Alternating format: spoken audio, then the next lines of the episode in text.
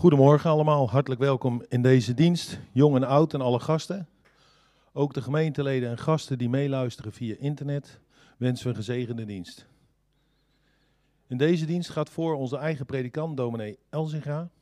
En in de middagdienst dominee Geert van Dijk van de GKV te Sliedrecht. Volgende week gaat in de ochtenddienst dominee Ronald Elzinga voor. Alle diensten zijn te volgen via YouTube. Zuster Gerda Scherf is met kerkelijke gegevens vertrokken naar de Nederlands Hervormde Kerk in Nieuwedijk.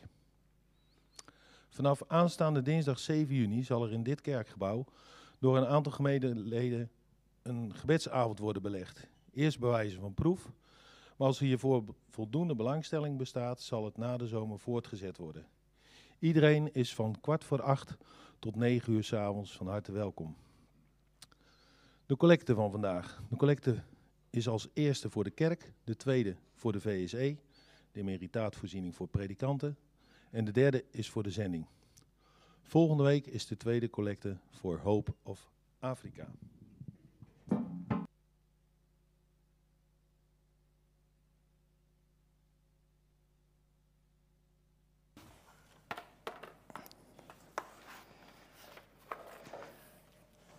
Goedemorgen.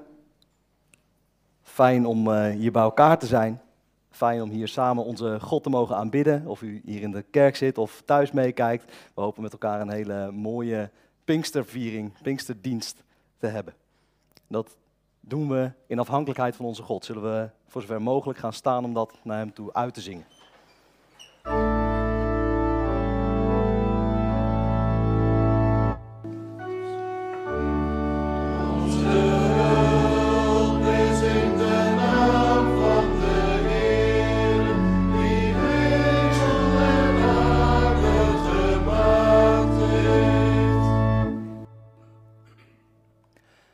Genade is er voor jullie en vrede van God onze Vader door onze Heer Jezus Christus in de eenheid met de Heilige Geest.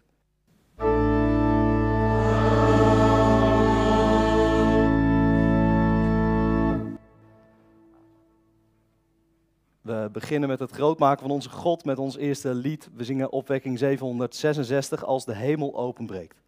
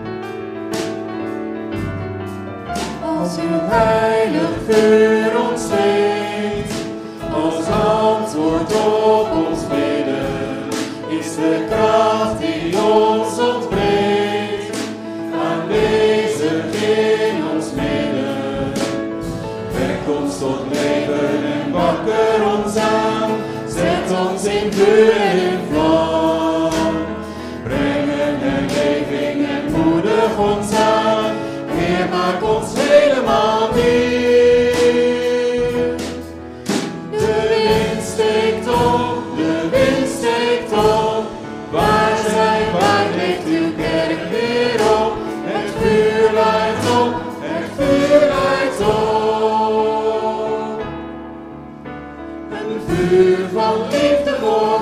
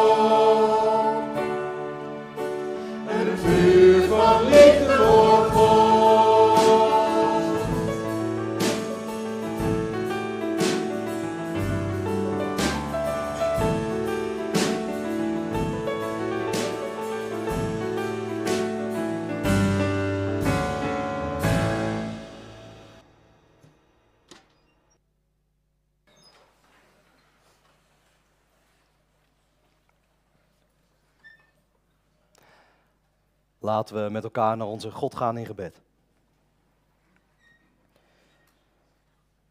Trouwe God, we komen bij u om u te prijzen. Te prijzen dat u onze Vader in de hemel bent. Die als uw zoon naar ons toe kwam en door uw geest ons nog iedere dag leidt. Vader, dank u wel dat u zo'n God bent. Een God die ons zoekt. Een God die ons redt. En een God die ons de kracht wil geven om met u te leven. Heer, we, we hebben dat nodig. We zijn ook gekomen om dat hier voor u te erkennen. Dat we mensen zijn die zo gemakkelijk een verkeerde kant op lopen.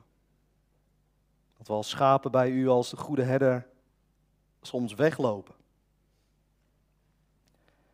Heer, wilt u ons dan weer terughalen? Heer, wilt u ons vergeven dat we, dat we zo in elkaar zitten? En wilt u ons opnieuw vervullen met liefde voor u? Wilt u ons aanvuren door uw geest, zodat we u zoeken, dat we zoeken om voor u te leven en om in dat leven te groeien? Meer en meer te ontdekken wie u bent en, en wat u van ons vraagt in de concrete situaties die we in ons leven tegenkomen. Vader, dank u wel dat we in vertrouwen bij u mogen komen. Dat het voor ons geen, geen vraag meer hoeft te zijn, maar dat u in uw zoon hebt laten zien dat u onze zonde vergeeft. Heer, dank u wel dat we vandaag het Pinksterfeest mogen vieren. Dank u wel dat we daar met elkaar bij stil mogen staan. En Heer, wilt u geven dat dat ons weer opnieuw richt op het leven in uw wereld. Het leven met u. Vader, wilt u daarvoor onze oren en ons hart openen? Geef dat we niet worden afgeleid door onze gedachten of door dingen die om ons heen gebeuren, maar dat we hier in de kerk of thuis kunnen luisteren naar wat u tegen ons te zeggen hebt. En geef dat het ons dan aanspreekt. En Heer, geef dat het in ons hart landt en dat het vrucht draagt in ons leven. Heilige Geest, wilt u dat doen? Wilt u dat in ons uitwerken? Heer, dat bidden we u in de naam van uw Zoon Jezus Christus. Uit genade alleen. Amen.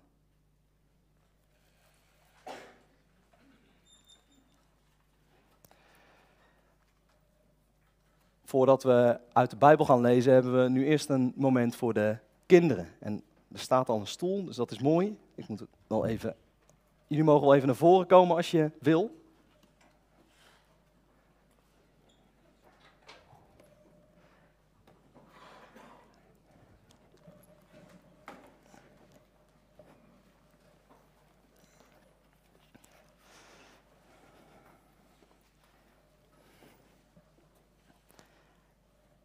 Welkom, fijn dat jullie er zijn. Hey, ik heb een, een, een vraag. Zeg maar, waar zou jij gaan schuilen? Daar gaan we het over hebben. En nou, ik denk dat de meeste kinderen dit wel herkennen, of niet? Wie heeft hier allemaal mee gespeeld vroeger? Zet jij vinger maar eens op. Bijna iedereen. Weet je het niet meer? Nee. En misschien, nou, dit is Duplo, maar misschien heb je thuis wel Lego. Ja, precies. Nou, nou goed, misschien speel je daar nog steeds wel mee. Ik ken ook wel grote mensen die daar nog heel graag mee spelen. Maar, zeg maar zo'n toren is natuurlijk heel leuk. En onze kinderen die houden er ook van om een toren te bouwen. Die bouwen dan net wat anders. Die stapelen zoveel mogelijk blokken op elkaar. En dan is het natuurlijk het allerleukst om hem dan om te gooien. Want eh, ja, het is niet heel stevig. Je, kunt hem, nou, je hoort hem al kraken. Ik kan hem zo in tweeën breken als ik zou willen. Maar misschien iets anders waar je, waar je misschien wel in kunt schuilen. Wie van jullie heeft wel eens een hut gebouwd in het bos? Kijk eens. Of een boomhut. Kijk eens. Ja, gaaf.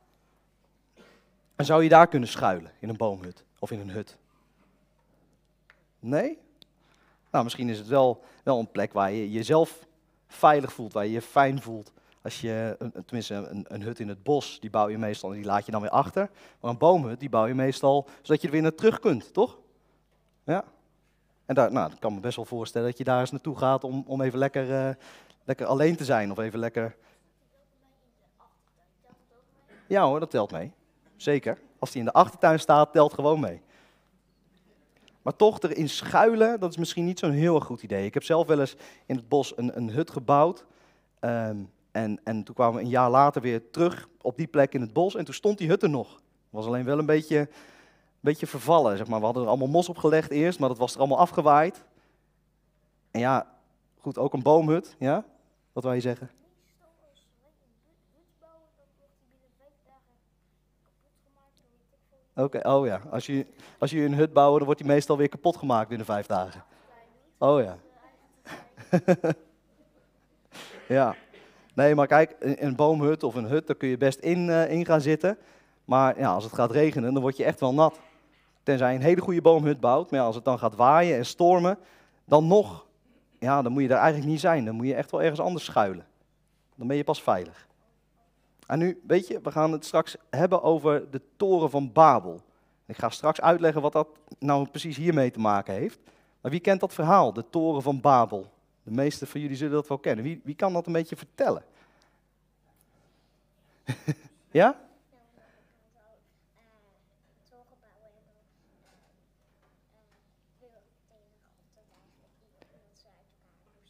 Ja, de, de mensen gaan een toren bouwen. Alleen de Heere God die wil dat eigenlijk niet. En daarom gaan ze uit elkaar. Doordat er, wat, je weet ook vast wel wat de Heere God dan doet. Wat doet de Heere God dan? Ja, en de mensen gaan ineens allemaal in verschillende talen spreken. Dan vragen ze om een hamer en dan krijgen ze iets heel anders. Of ze verstaan elkaar niet. Nou, dat is lastig bouwen. Hè? nou, ze bouwen een stad, een toren en een toren, staat er dan in de Bijbel. En ze, ze bouwen een toren en ze willen dat die toren tot in de hemel reikt. Maar ik wil dan vooral even het hebben over waar ze mee bouwen. Want ze gaan bouwen met kleiblokken en aardpek. Ik heb op de beamer geprobeerd om plaatjes te, eh, ik heb geprobeerd om plaatjes te vinden op internet. En links, dat is de, de klei, het kleiblok. Dat is eigenlijk iets waarop iets op geschreven stond. Maar dat is het enige blok wat ik kon vinden wat van klei gemaakt was. Dus ik denk dat het ongeveer zo'n soort blok moet zijn geweest. En rechts, ja, dat is een beetje, dat noemen ze aardpek. en dat is eigenlijk een soort hele dikke, plakkerige aardolie. Dat smeerden ze dan tussen de stenen en dan leggen, stapelden ze de stenen op elkaar. En dan, dan zegt de Bijbel, de mensen zijn zo lekker aan het bouwen. En dan ziet God dat gebeuren vanuit de hemel. En hij wil eigenlijk niet dat, dit dat de bouw van die toren doorgaat. En dat komt omdat God eigenlijk niet wil dat mensen iets bouwen waar ze zich dan zelf, zeg maar, denken dat ze daarmee dan veilig zijn. Dat je iets bouwt waar je, waarvan je denkt van nou, dat houdt dan mijn leven veilig. Dat is niet wat, hoe God het heeft bedoeld. God heeft, wil ons leren dat we bij Hem veilig zijn. En vroeger bouwden ze toen dus bij de toren van Babel bouwden ze met kleiblokken en aardpek een, een toren. Maar tegenwoordig heb je misschien wel wolkenkrabbers waar mensen heel erg trots op zijn. Dat ze zeggen van kijk eens wat wij allemaal kunnen bouwen. Maar voor God, en dat, dat zegt de Bijbel eigenlijk, voor God is het eigenlijk allemaal niet meer dan een paar blokjes die, die, heel, makkelijk, die heel makkelijk kapot gaan. En ook, ook op aarde kunnen, kunnen torens instorten. Onze Heere God die wil leren dat we bij Hem veilig zijn. En daarvoor, daarvoor heeft Hij ook zijn geest gegeven. Zodat we in Hem geloven en dat we Hem zoeken. En dat we ook echt dat gevoel krijgen dat God ons veilig bewaart. Omdat we gaan geloven dat de Heer Jezus voor onze zonde is gestorven. En dat we daarom altijd bij God mogen komen, wat we ook. Fout doen. En dat kun je, kun je voelen doordat je, doordat je ontdekt hoeveel God van je houdt. Als je leest in de Bijbel of als je het Bijbelverhaal hoort. Maar je kunt het ook, ook gaan merken als je, als je mooie liederen voor God zingt. En dat gaan we nu met elkaar doen. We gaan een lied zingen. Vuur uit de hemel brengt vuur in mijn hart. Een Pinksterlied. Ik hoop dat jullie het kennen. Ga je weer op je eigen plek zitten? Nee, de toren laten we nu even heel.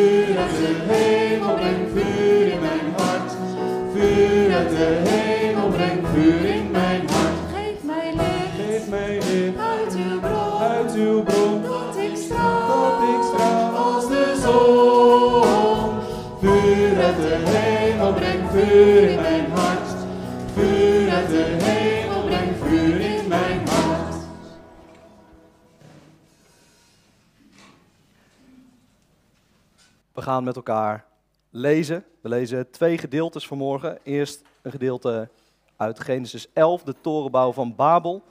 Dan zingen we met elkaar uit Psalm 2, vers 1 en vers 2. En vervolgens lezen we het Pinksterverhaal uit Handelingen 2, vers 1 tot en met 13. En zus Arien Boor zal met ons lezen. Genesis 11. Ooit werd er op de hele aarde één enkele taal gesproken. Toen de mensen in oostelijke richting trokken, kwamen ze in Sinear bij een vlakte en daar vestigden ze zich. Ze zeiden tegen elkaar, laten we van klei blokken vormen en die goed bakken in het vuur. De kleiblokken gebruikten ze als stenen en aardpek als specie. Ze zeiden, laten we een stad bouwen met een toren die tot in de hemel reikt. Dat zal ons beroemd maken. Dan zullen we niet over de hele aarde verspreid raken. Maar toen daalde de Heer af om te kijken naar de stad en de toren die de mensen aan het bouwen waren. Dit is één volk en ze spreken allemaal één en dezelfde taal, dacht de Heer. En wat ze nu doen is nog maar het begin. Alles wat ze verder nog van plan zijn, ligt nu binnen hun bereik. Laten wij naar hen toe gaan en spraakverwarring onder hen teweeg brengen, zodat ze elkaar niet meer verstaan. De Heer verspreidde hen vandaar over de hele aarde en de bouw van de stad werd gestaakt. Zo komt het dat die stad Babel heet, want daar bracht de Heer verwarring in de taal die op de hele aarde gesproken werd en vandaar verspreidde hij de mensen over de hele aarde.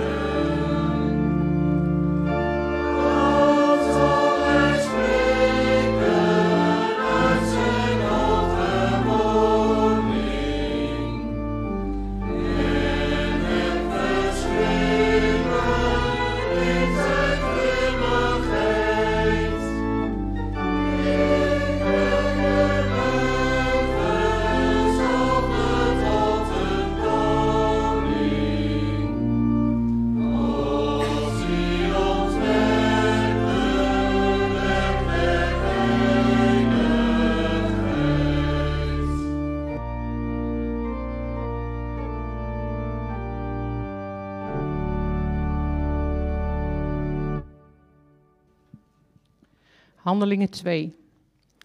Toen de dag van het Pinksterfeest aanbrak, waren ze allen bij elkaar. Plotseling klonk er uit de hemel een geluid als van een hevige windvlaag, dat het huis waar ze zich bevonden geheel vulde. Er verscheen aan hen een soort vlammen, die zich als vuurtongen verspreidden en zich op ieder van hen neerzetten. En allen werden vervuld van de Heilige Geest en begonnen op luide toon te spreken in vreemde talen, zoals hen door de Geest werd ingegeven. In Jeruzalem woonden destijds vrome Joden die afkomstig waren uit ieder volk op aarde. Toen het geluid weer, klonk, weer klonk, dromden ze samen en ze raakten geheel in verwarring, omdat ieder de apostelen en de andere leerlingen in zijn eigen taal hoorde spreken.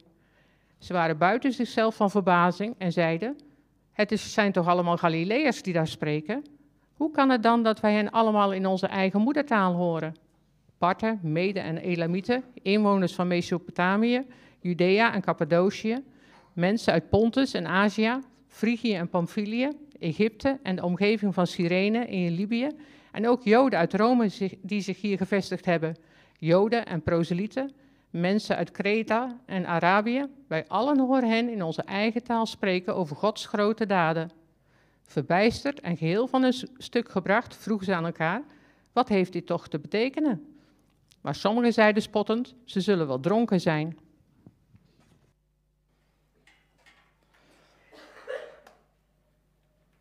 God komt de mensheid te hulp en de Heilige Geest die doorbreekt de taalgrenzen daarbij Pinksteren.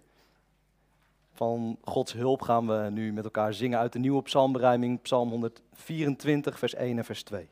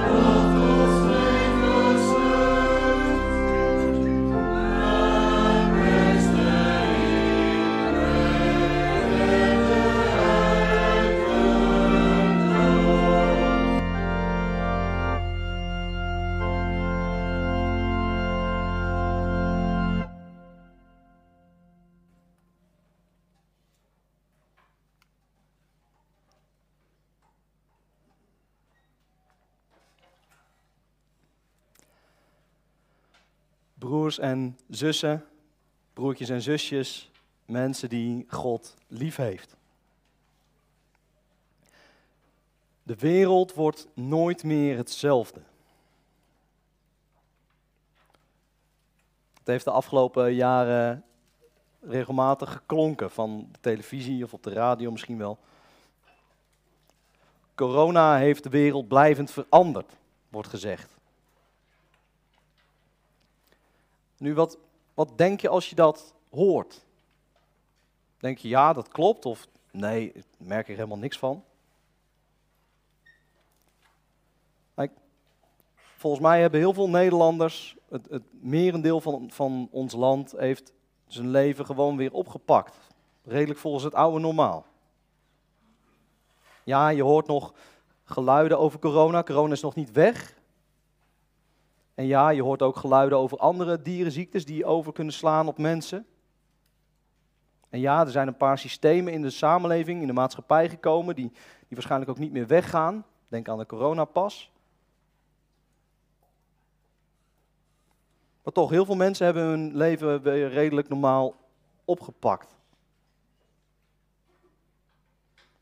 En toch, het kan zomaar zijn dat je hier zit en denkt van nou, dat geldt niet voor mij. Voor mij is de wereld wel blijvend veranderd. Als je een kwetsbare gezondheid hebt, of misschien wat ouder bent en je kwetsbaar voelt. Misschien leef je dan juist wel iedere dag met dat besef, ja, de wereld wordt niet meer zoals die was voor mij. Toch, het is, het is de vraag over vijf jaar, tien jaar, hoe de wereld er dan uit zal zien. We weten het niet.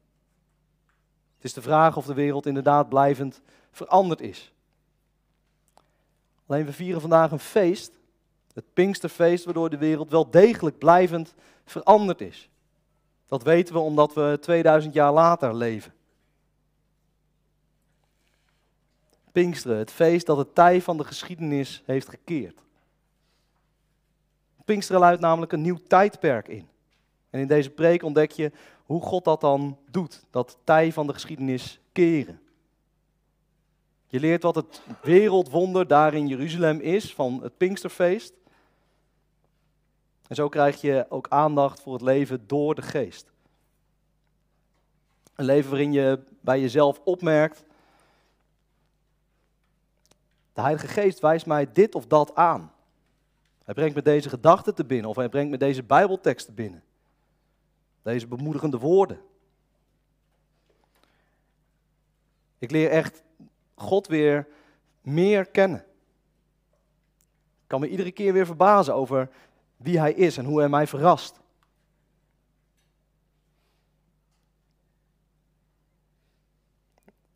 Als je zo ontdekt het leven wat de geest geeft, dan, dan besef je dat inderdaad Pinksteren het tij van de geschiedenis keert. Dat met de komst van de Heilige Geest het tijdperk van de geest is begonnen. Daar gaan we het over hebben. En we, we letten op Genesis 11, vers 7, waar die spraakverwarring bij Babel plaatsvindt. En we, we letten op Hebreeën of Handelingen 2, vers 4, waar die spraakverwarring overstegen wordt. We staan achtereenvolgens stil bij de geschiedenis van Babel tot Jeruzalem, bij het wereldwonder van daar in Jeruzalem en bij het leven door de geest.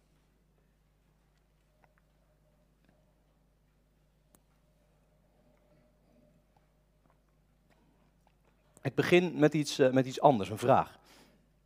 Wie weet welk bouwwerk, welk aardbouwwerk er vanuit de ruimte te zien is? Even handen. Ja? Wie, wie, uh, wie denkt, uh, wat, wat is er te zien? De Chinese muur. Ja, dat, dat, is inderdaad de, de, het weetje wat de ronde doet. En ik denk dat, wie dacht dat ook? ja, het, het, het, nadeel met de Chinese muur is, is dat die helemaal heel erg kronkelt en een beetje uh, wegvalt in het landschap.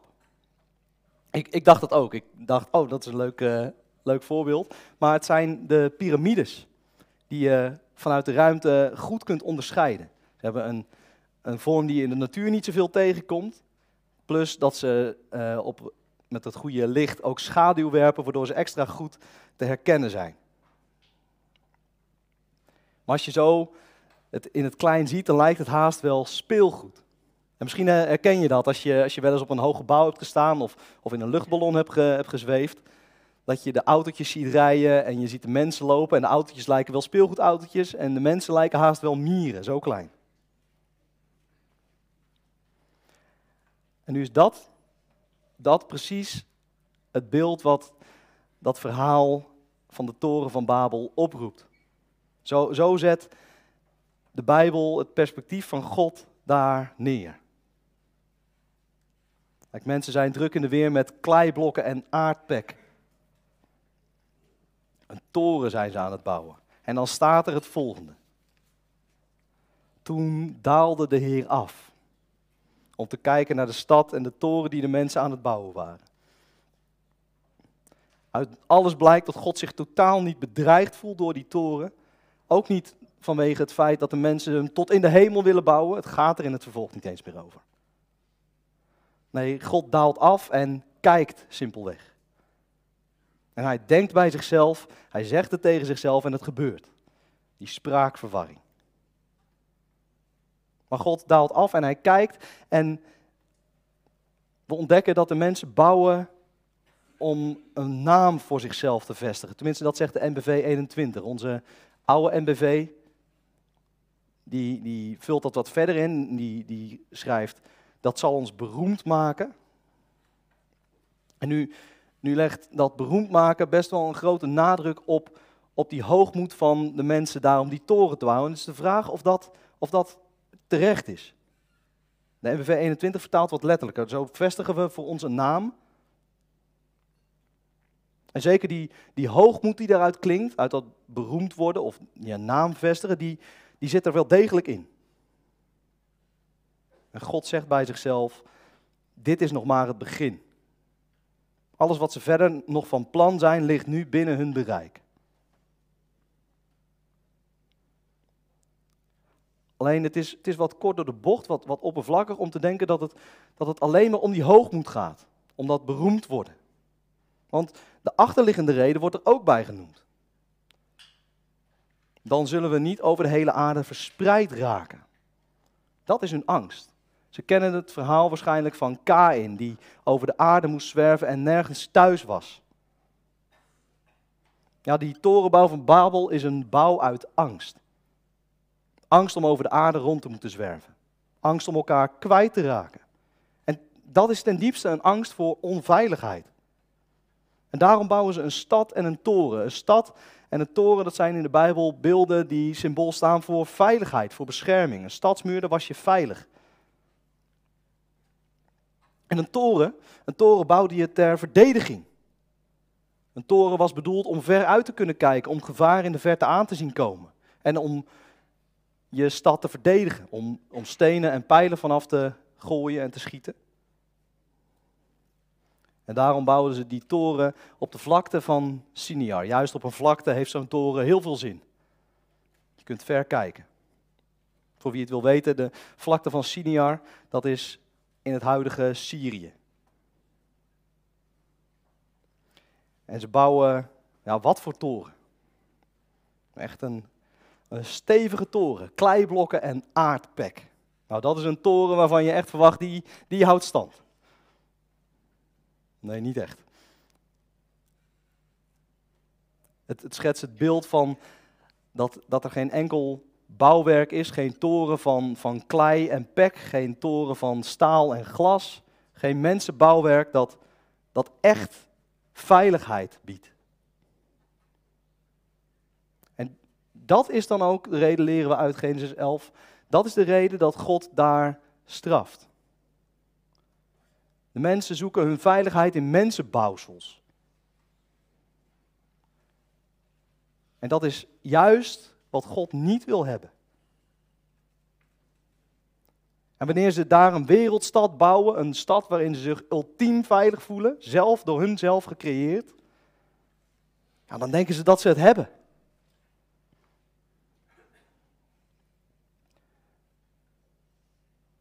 Lieve broers en zussen, is dat niet ook precies wat we vandaag zien gebeuren in onze wereld? Dan heb ik het over, over globalisering en, en het idee van de global village. Zowat de hele wereld is met elkaar verbonden. Maar bouwen we met elkaar, met, als wereld, dan niet een soort van nieuwe toren van Babel, waarin we ons veilig voelen door de, door de dingen die we zelf hebben gemaakt? Een plek waar we ons veilig wanen door onze zorgsystemen en door onze economie en doordat we de verbinding met de hele wereld in onze broekzak hebben zitten. Nou, Het is een, een toren van pek en klei. Gammele veiligheid. Corona, een oorlog, het gooit, gooit zomaar roet in het eten. En nou, misschien denk je dan wel, ja, wereldwijde verbinding, is dat dan zo slecht? Is het zoeken naar gezondheid dan slecht? We willen toch veiligheid? En ja, natuurlijk, we willen veiligheid en, en welvaart en al dat soort dingen. En nee, op zich is verbinding en gezondheid absoluut helemaal niet slecht om naar te zoeken. Want Pinksteren, Pinksteren doet toch precies hetzelfde. Pinksteren schept verbinding. Alleen wel met een totaal ander speerpunt. Want het gaat er dan om, waar zoek je dan je veiligheid in? En daar wijst het wereldwonder in Jeruzalem ons op.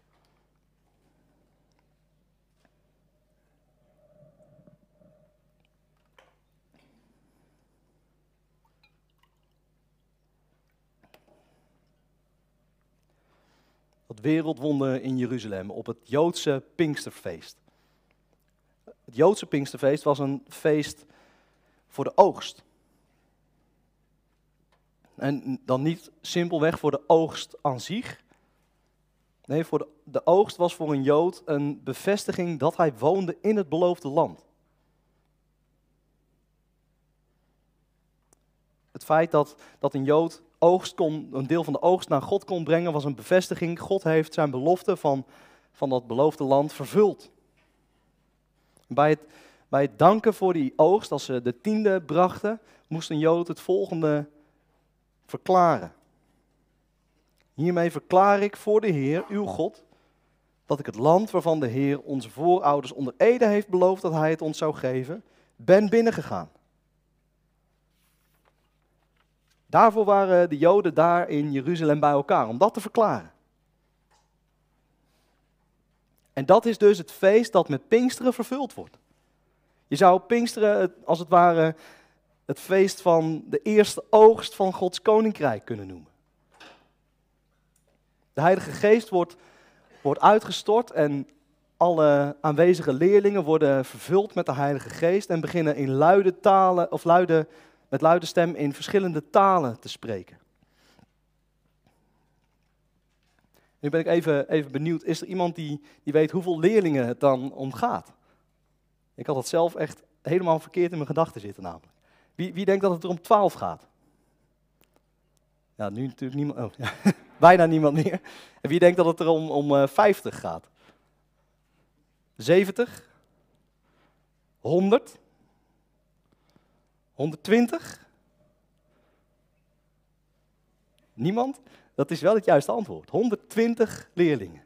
Lezen dat iets eerder in Handelingen 1, vers 15. Daar staat: In die dagen stond Petrus op te midden van de leerlingen de leerlingen. En er was dus een groep van ongeveer 120 mensen bijeen. 120 mensen die op dat moment van Pinksteren worden vervuld met de geest. En 120 mensen die met luide stem in vreemde talen beginnen te spreken. En wat een, wat een rijke oogst. 3000 leerlingen komen erbij. Even, ik heb het even nagerekend, dat is 25 keer zoveel. Een groei van 2500 procent. Even voor je, voor je beeldvorming, dat is alsof Altena ineens van de een op de andere dag compleet Noord-Brabant zou beslaan, plus een stukje van Limburg erbij. Een rijke oogst dus. En dat alles doordat de geest de leerlingen in vreemde talen laat spreken.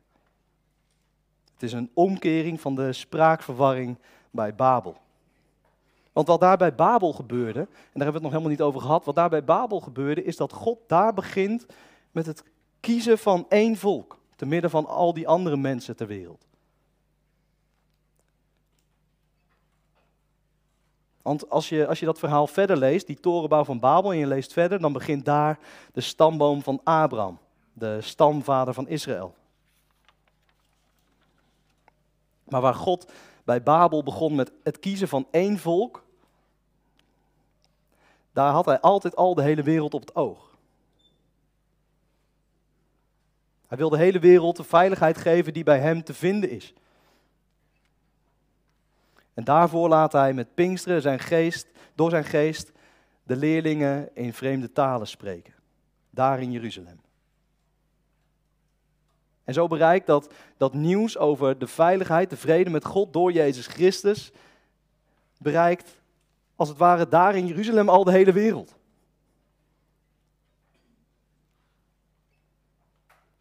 De geest overbrugt die kloof die er tussen alle volken is ontstaan.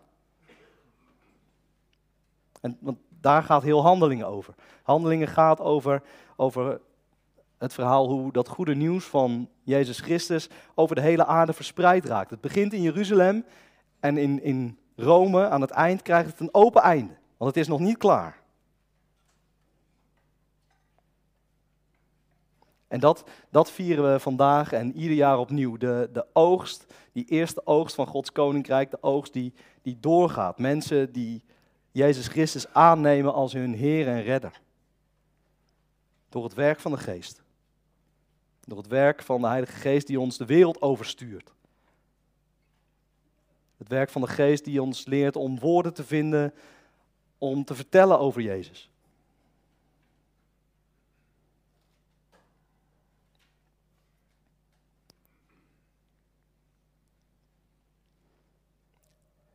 Want dat is wat de geest doet. De geest leert ons door hem te leven. Te leven voor God. Dat is het leven door de geest.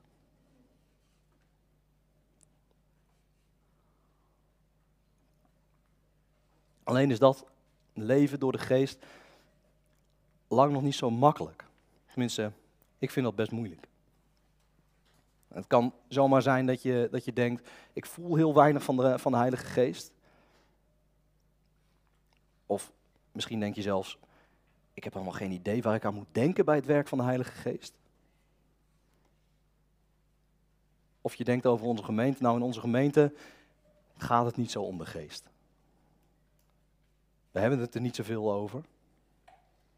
En het is maar de vraag of de Heilige Geest in onze gemeente eigenlijk wel echt heel veel aan het werk is. Het kan zijn dat je zo denkt. Want waar zijn de, die spectaculaire gaven van de geest die je leest in het Nieuwe Testament? Wonderen, genezingen, profetieën, visioenen, dromen.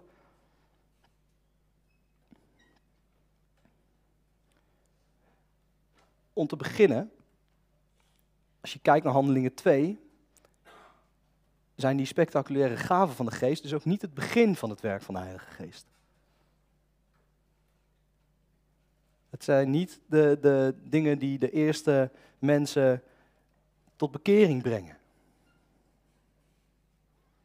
Nee, het wonder dat de menigte ziet gebeuren voor hun neus is dat er 120 mensen zijn die in vreemde talen spreken.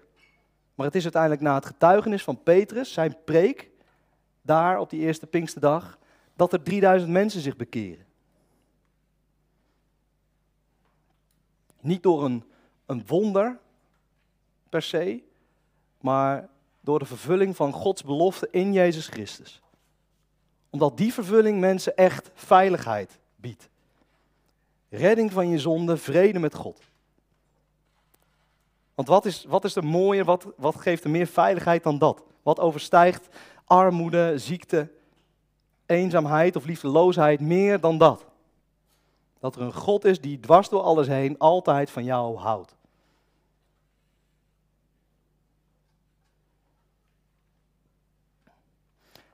En toch, om daar dan vervolgens ook aan toe te voegen, over die spectaculaire gaven van de geest gesproken, het gebeurt onder onze neus.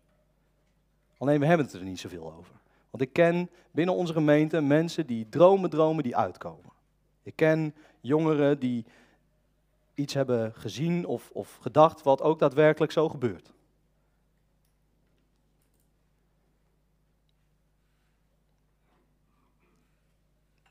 Er zijn genoeg mensen in onze gemeente die het werk van de geest wel degelijk merken. En misschien ook niet alleen maar op die spectaculaire manieren, maar ook gewoon in hun alledaagse leven. Doordat ze de Heer Jezus meer en meer leren kennen. Doordat ze vervuld worden van zijn liefde voor ons. Elk geval, het is precies zoals Joel 3 het zegt. Ik zal mijn geest uitgieten over al wat leeft. Jullie zonen en dochters zullen profeteren. Oude mensen zullen dromen dromen en jongeren zullen visioenen zien. Zelfs over slaven en slavinnen zal ik in die tijd mijn geest uitgieten.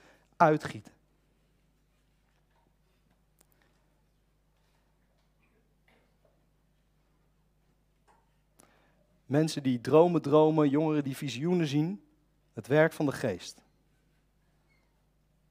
En misschien, misschien verlang je heel erg naar, naar die werking van de Heilige Geest, maar misschien herken je in jezelf ook al wel andere dingen. Het werk dat de Geest in jou doet. Dat je een bemoediging of een, of een Bijbeltekst krijgt die je precies op dat moment nodig hebt.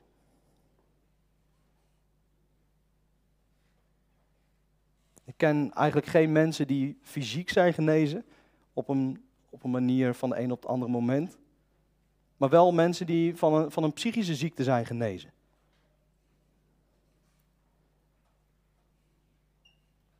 En ik noem maar een voorbeeld. Als u een predikant iets hoort zeggen wat, wat juist op dat moment voor u bedoeld lijkt, voor jou bedoeld lijkt, wat is dan het verschil precies met profetie?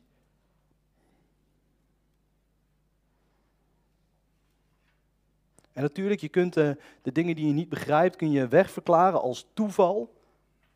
Of je kunt een opbouwende opmerking die, je, die in je opkomt, onuitgesproken voorbij laten gaan.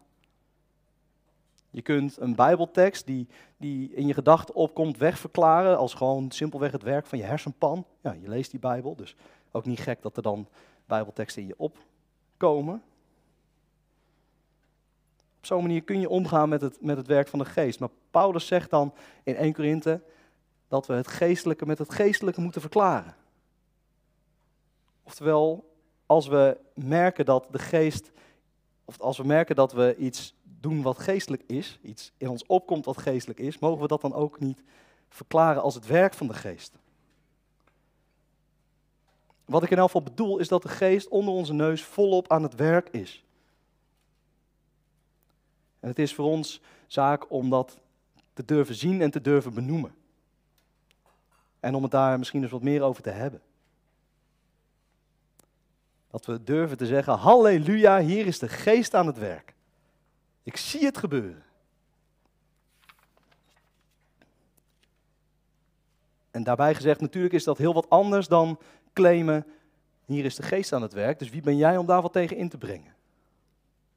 Nee, dan verhef je iets boven elke vorm van twijfel of gesprek. En dat is niet de bedoeling, want de geest schept geen kloof tussen kinderen van God, maar overbrugt die kloof juist. En het is voor ons de uitdaging om het werk van de geest op te merken en aan te wijzen. Het geestelijke dat onder onze neus gebeurt ook daadwerkelijk geestelijk te verklaren. En als je komende week iets wilt doen, dan ga daar dan eens mee aan de slag. Probeer dat eens meer te doen. Oog te hebben voor het werk van de geest. Als je een, een Bijbeltekst leest, of als je uit de Bijbel leest en een woord spreek je specifiek aan. Of als je over straat loopt, of, of straks misschien de kerkzaal uitloopt, en er schiet je een, een opbouwende opmerking te binnen. Maar probeer komende week eens bewust oog te hebben voor het werk van de geest. Want we hebben het er vorige week over gehad. Hij is in iedereen in de gemeente zichtbaar aan het werk.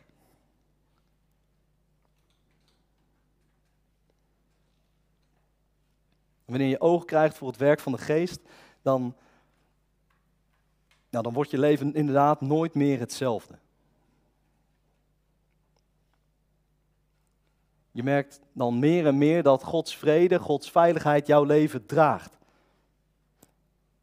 Je merkt hopelijk dat je je minder zorgen gaat maken om allerlei dingen die er gebeuren. Want onze zelfgemaakte veiligheidstorens blijken dan van klei en pek. Nee, het is de veiligheid die God geeft. waar we ons leven op mogen bouwen. En leer zo om de Heilige Geest je leven te laten leiden. Onze Heer, onze Jezus heeft, heeft hem gegeven om ons te steunen in het leven met Hem. Om te leven in Zijn veiligheid. Dus durf het maar te zien. Amen.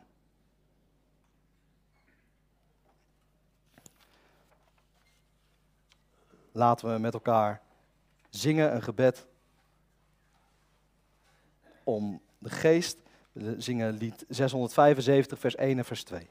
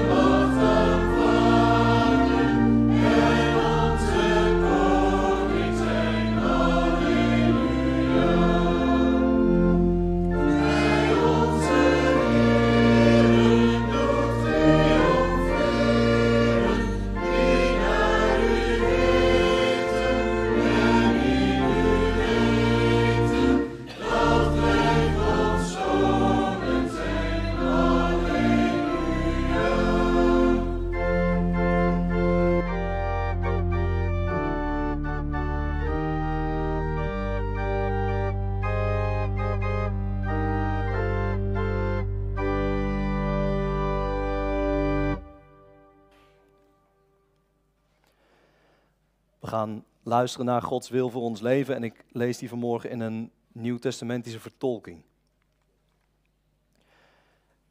Dit is de wet die de geest van Christus in ons hart wil schrijven.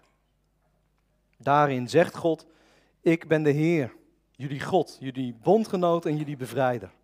In Jezus Christus heb ik jullie bevrijd en tot vrijheid geroepen. Door mijn geest wil ik een nieuwe gehoorzaamheid in jullie leven tevoorschijn roepen. In zijn kracht mogen jullie alleen mij liefhebben, vertrouwen en gehoorzamen. Niets of niemand van deze wereld die ik geschapen heb, zullen jullie vergoddelijken en in plaats van mij liefhebben, vertrouwen of gehoorzamen. Jullie zullen je geen voorstellingen van mij maken buiten Jezus Christus om. In Hem heb ik mij aan jullie geopenbaard. Zie mij in Hem, wees Zijn getuige en beleid mijn naam die Hij jullie bekendgemaakt heeft. Jullie hoeven niet langer te leven om te werken, maar jullie mogen werken om te leven. Leef voor mijn aangezicht en houd de dag van Christus opstanding in ere als de dag van de bevrijding en de blijdschap. Leef elke dag van jullie leven vanuit de dag van Christus opstanding. Door mijn geest zal ik jullie leren om jullie vader en moeder tot hun recht te laten komen als je vader en je moeder die ik je gaf. En ook om jullie kinderen tot hun recht te laten komen als kinderen die ik aan jullie zorg toevertrouwde. Wanneer mijn geest mijn wetten in je hart gaat schrijven, zul je voor het leven van je naaste eerbied hebben. Ook hij behoort mij toe. Ook voor hem is Christus gestorven en opgestaan. Zijn leven zul je dan niet aantasten of vernietigen. Naar mijn beeld heb ik jullie geschapen, man en vrouw. Jullie zullen elkaar in het huwelijk liefhebben en trouw blijven. En jullie zullen elkaar als jongens en meisjes, als mannen en vrouwen respecteren en elkaar niet langer tot object verlagen. Mijn geest zal jullie leren dat je rentmeesters bent van wat ik je toevertrouwde, geen bezitters. De aarde en haar volheid behoren mij toe. Je zult leren kiezen omdat je mij en het geld niet tegelijk kunt dienen. Jullie zullen gaan geven en altijd opnieuw geven. In de omgang met elkaar zal mijn geest je leren de waarheid en het recht lief te hebben. In je spreken over je naaste zul je daardoor oprecht en betrouwbaar leren zijn. Je ja zal ja zijn en je nee nee. Je naaste zul je gaan geven wat hem toekomt. En de geest zal over je hart gaan waken, zodat er geen afgunst in binnengelaten wordt. Kortom, deze wet zal de geest in je hart schrijven en in je leven gaan uitschrijven. Voor mij, de Heer je God, zal je hart en je leven zijn. Je zult mij, je bondgenoot en je bevrijder, liefhebben met heel je hart, heel je verstand en al je kracht. Ook je naaste ga je dan liefhebben, want hij is aan jou gelijk. Ik ben de Heer.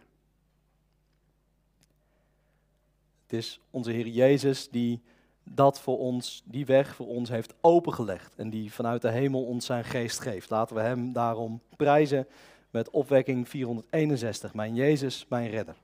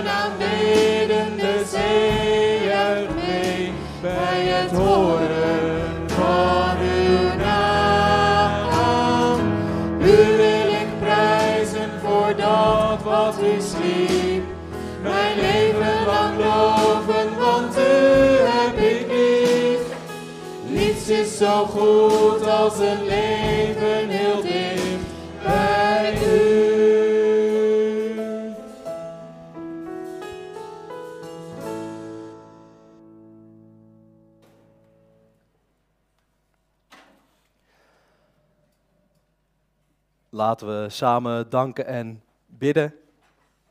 We zullen danken samen met broeder en zuster Hanemaaien. Afgelopen, of vorige week vrijdag, of nee, afgelopen vrijdag hebt u eh, een onderzoek gehad weer naar de slokdarmontsteking. En die is nagenoeg verdwenen. Er zijn eh, nog een paar medicijnen die moeten blijven, maar verder gaat het eh, helemaal de goede kant op. Een reden om te danken. Daarnaast zijn er in het gebedsboek nog een aantal dingen opgeschreven die ik ook kort even wil noemen. We zullen danken voor het Happy-feest, het Hemelvaart Pinksterfeest van de Halm afgelopen donderdag. We zullen bidden samen met Bart en Karin die een eh, reis gaan maken naar Roemenië. En daarnaast zullen we ook bidden voor de familie en vrienden van Gino, het jongetje dat afgelopen week om het leven is gebracht. Laten we bidden.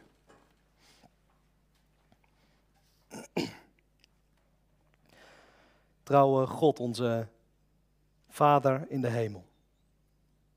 Hier midden uit deze wereld komen we bij u om u te prijzen. Te prijzen voor Pinksteren. Dat u uw geest hebt uitgestort. En dat u ons nog iedere dag aanvuurt door diezelfde geest. Om te getuigen van u, om te leven met u. Heer, dank u dat u ons zelf woorden wilt geven om te vertellen wie u bent en wat u doet. Dank u wel dat u door uw geest de Bijbelschrijvers hebt geïnspireerd om uw woord op te schrijven. Heer, dank u wel dat u zo de hele geschiedenis door heeft gewerkt om uw evangelie over de wereld te krijgen. Heer, wilt u zijn bij alle inspanningen die daarvoor vandaag de dag nog steeds worden geleverd. Om ieder volk in iedere taal uw goede nieuws van uw zoon te vertellen. Trouwe God, we danken u. Dat hadden we eigenlijk vorige week kunnen doen, maar toen ben ik het vergeten. Heer, we danken u voor de prachtige afsluiting van de jeugd met een barbecue en een spel die we anderhalve week geleden mochten hebben. Als het goed is hebben we ondertussen het filmpje kunnen bekijken. Heer, wat, uh, wat was dat een prachtige bijeenkomst en wat zijn we u dankbaar dat het weer kan. Dat we elkaar zo kunnen opzoeken en het goed kunnen hebben met elkaar. Je geeft dat dat een, uh, een vruchtbare bodem mag uh, vormen voor alle gesprekken die we verder met elkaar voeren. Voor het leven dat we proberen samen te leven achter uw zoon aan. Vader, we, we danken u voor de eerlijke en kritische houding van onze jongeren naar onze gemeente. Wilt u ons helpen om, om dat te waarderen en daarnaar te luisteren? Om hen helemaal een plek te geven in, onze, in ons midden en om samen te zoeken naar wat het leven met u inhoudt. Vader, we danken u voor genezing van ziekte en in het bijzonder ook mentale ziekte. We bidden u voor iedereen die eronder gebukt gaat, die soms zelfs denken aan het uit dit leven stappen. Heer, wilt u hen daarvoor behoeden? Geef dat ze worden gezien door mensen en dat ze zelf de kracht hebben om op mensen af te stappen, mensen erbij te roepen om uit hun problemen te komen. Vader, we danken u ook voor alle genezingen die iedere dag plaatsvinden via de weg van de medische wetenschap. Heer, we weten dat, dat, dat ook dat iets is wat u heeft gegeven. En daarom danken we u ook voor de genezing van broeder Aad Hanemaaien. Dank u dat de slokdarmontsteking zo snel onder controle is. Daarin zien we uw zegen en daar prijzen we u voor. Heer, we, we danken u voor, het prachtige, voor de prachtige Happy-viering die we afgelopen donderdag mochten vieren. Dank u wel voor alle liefde voor u die daar uitspreekt. Dat we daar met elkaar uw naam mochten groot maken voor de uitstorting van uw geest. Vader, we bidden u voor Bart en Karin Elshout. Geef uh, hen uw zegen als ze naar Roemenië gaan en daar verschillende projecten van Gain ook bezoeken. Je geeft dat dat hen voedt en in het bijzonder ook Karin bij haar werk voor Gain. Vader, we bidden u voor de familie, de vrienden en de verdere nabestaanden van Gino. Het jongetje wat afgelopen week van het leven is beroofd. Heer, wat is het verschrikkelijk als we dat soort dingen horen. Heer, we, we snappen dat niet en we kunnen ons alleen maar indenken wat voor groot verdriet en wat voor machteloze woede er bij de familie moet zijn. Heer, geef dat ze steun vinden die ze nodig hebben. En Heer, als het kan, wilt u dan ook kinderen van u op hun pad brengen. Geef dan dat ze iets van u kunnen laten zien aan hen. Iets van uw troost. Vader, we bidden u voor ons land. Dat land waar zoveel aan het bewegen is, zoveel gaande is. Heer, we bidden u in het bijzonder voor studenten die gebukt gaan onder de stijgende energieprijzen. Hier, het is een, uh, een groep die gemakkelijk over het hoofd wordt gezien. Zo lijkt het.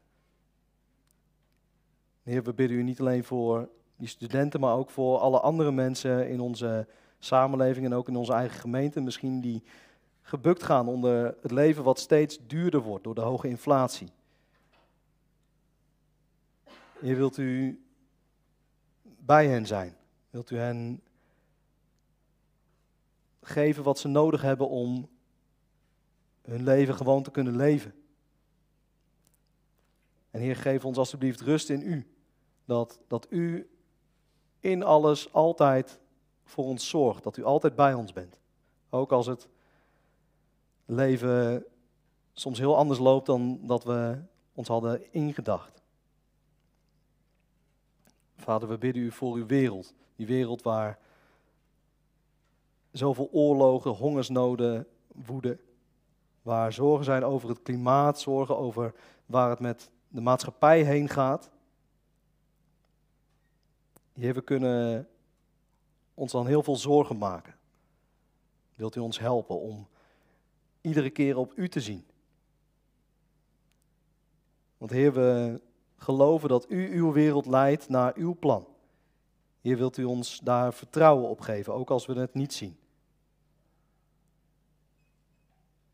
Heer, geef dat we telkens onze veiligheid en geborgenheid bij u zoeken. Want u, Heer, bent onze vesting, onze veilige toren, onze zon en ons schild. Help ons door uw geest dag in, dag uit te leven met u, met u voor ogen. En geef ons de open ogen om geestelijk te duiden wat u door uw geest in ons leven doet. Help ons zo om als uw kinderen in uw wereld te leven totdat u komt. We bidden het u in Jezus' naam. Amen.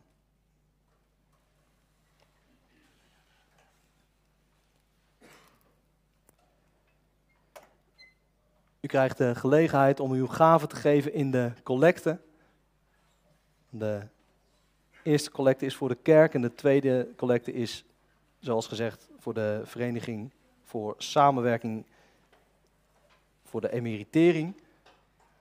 En de derde collecte is voor de zending.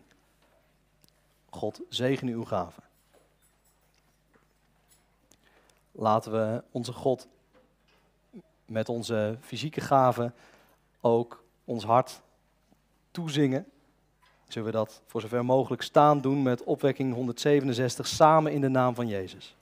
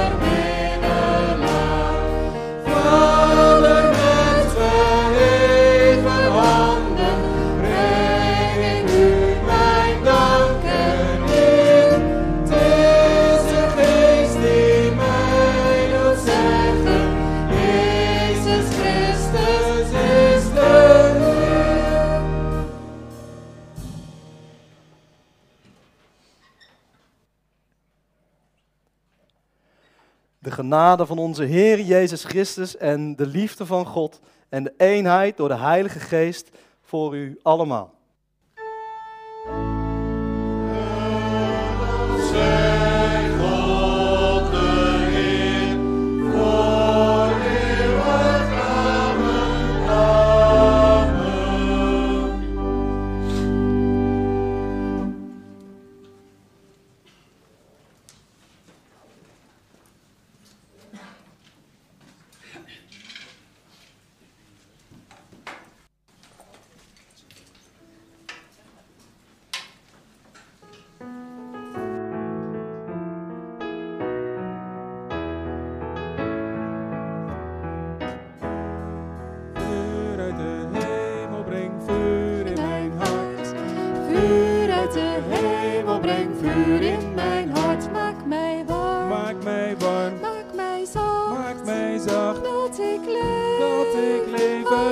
Kracht. Vuur uit de hemel, breng vuur in mijn hart. Vuur uit de hemel, breng vuur in mijn hart. Maak mij vol maak mij vol van uw geest. van uw geest. Maak mij klaar Maak mij klaar voor het feest. Vuur uit de hemel, breng vuur in mijn hart. Vuur uit de hemel, breng vuur licht uit uw bron. uit uw bron, Dat ik straal, dat ik straal als de zon.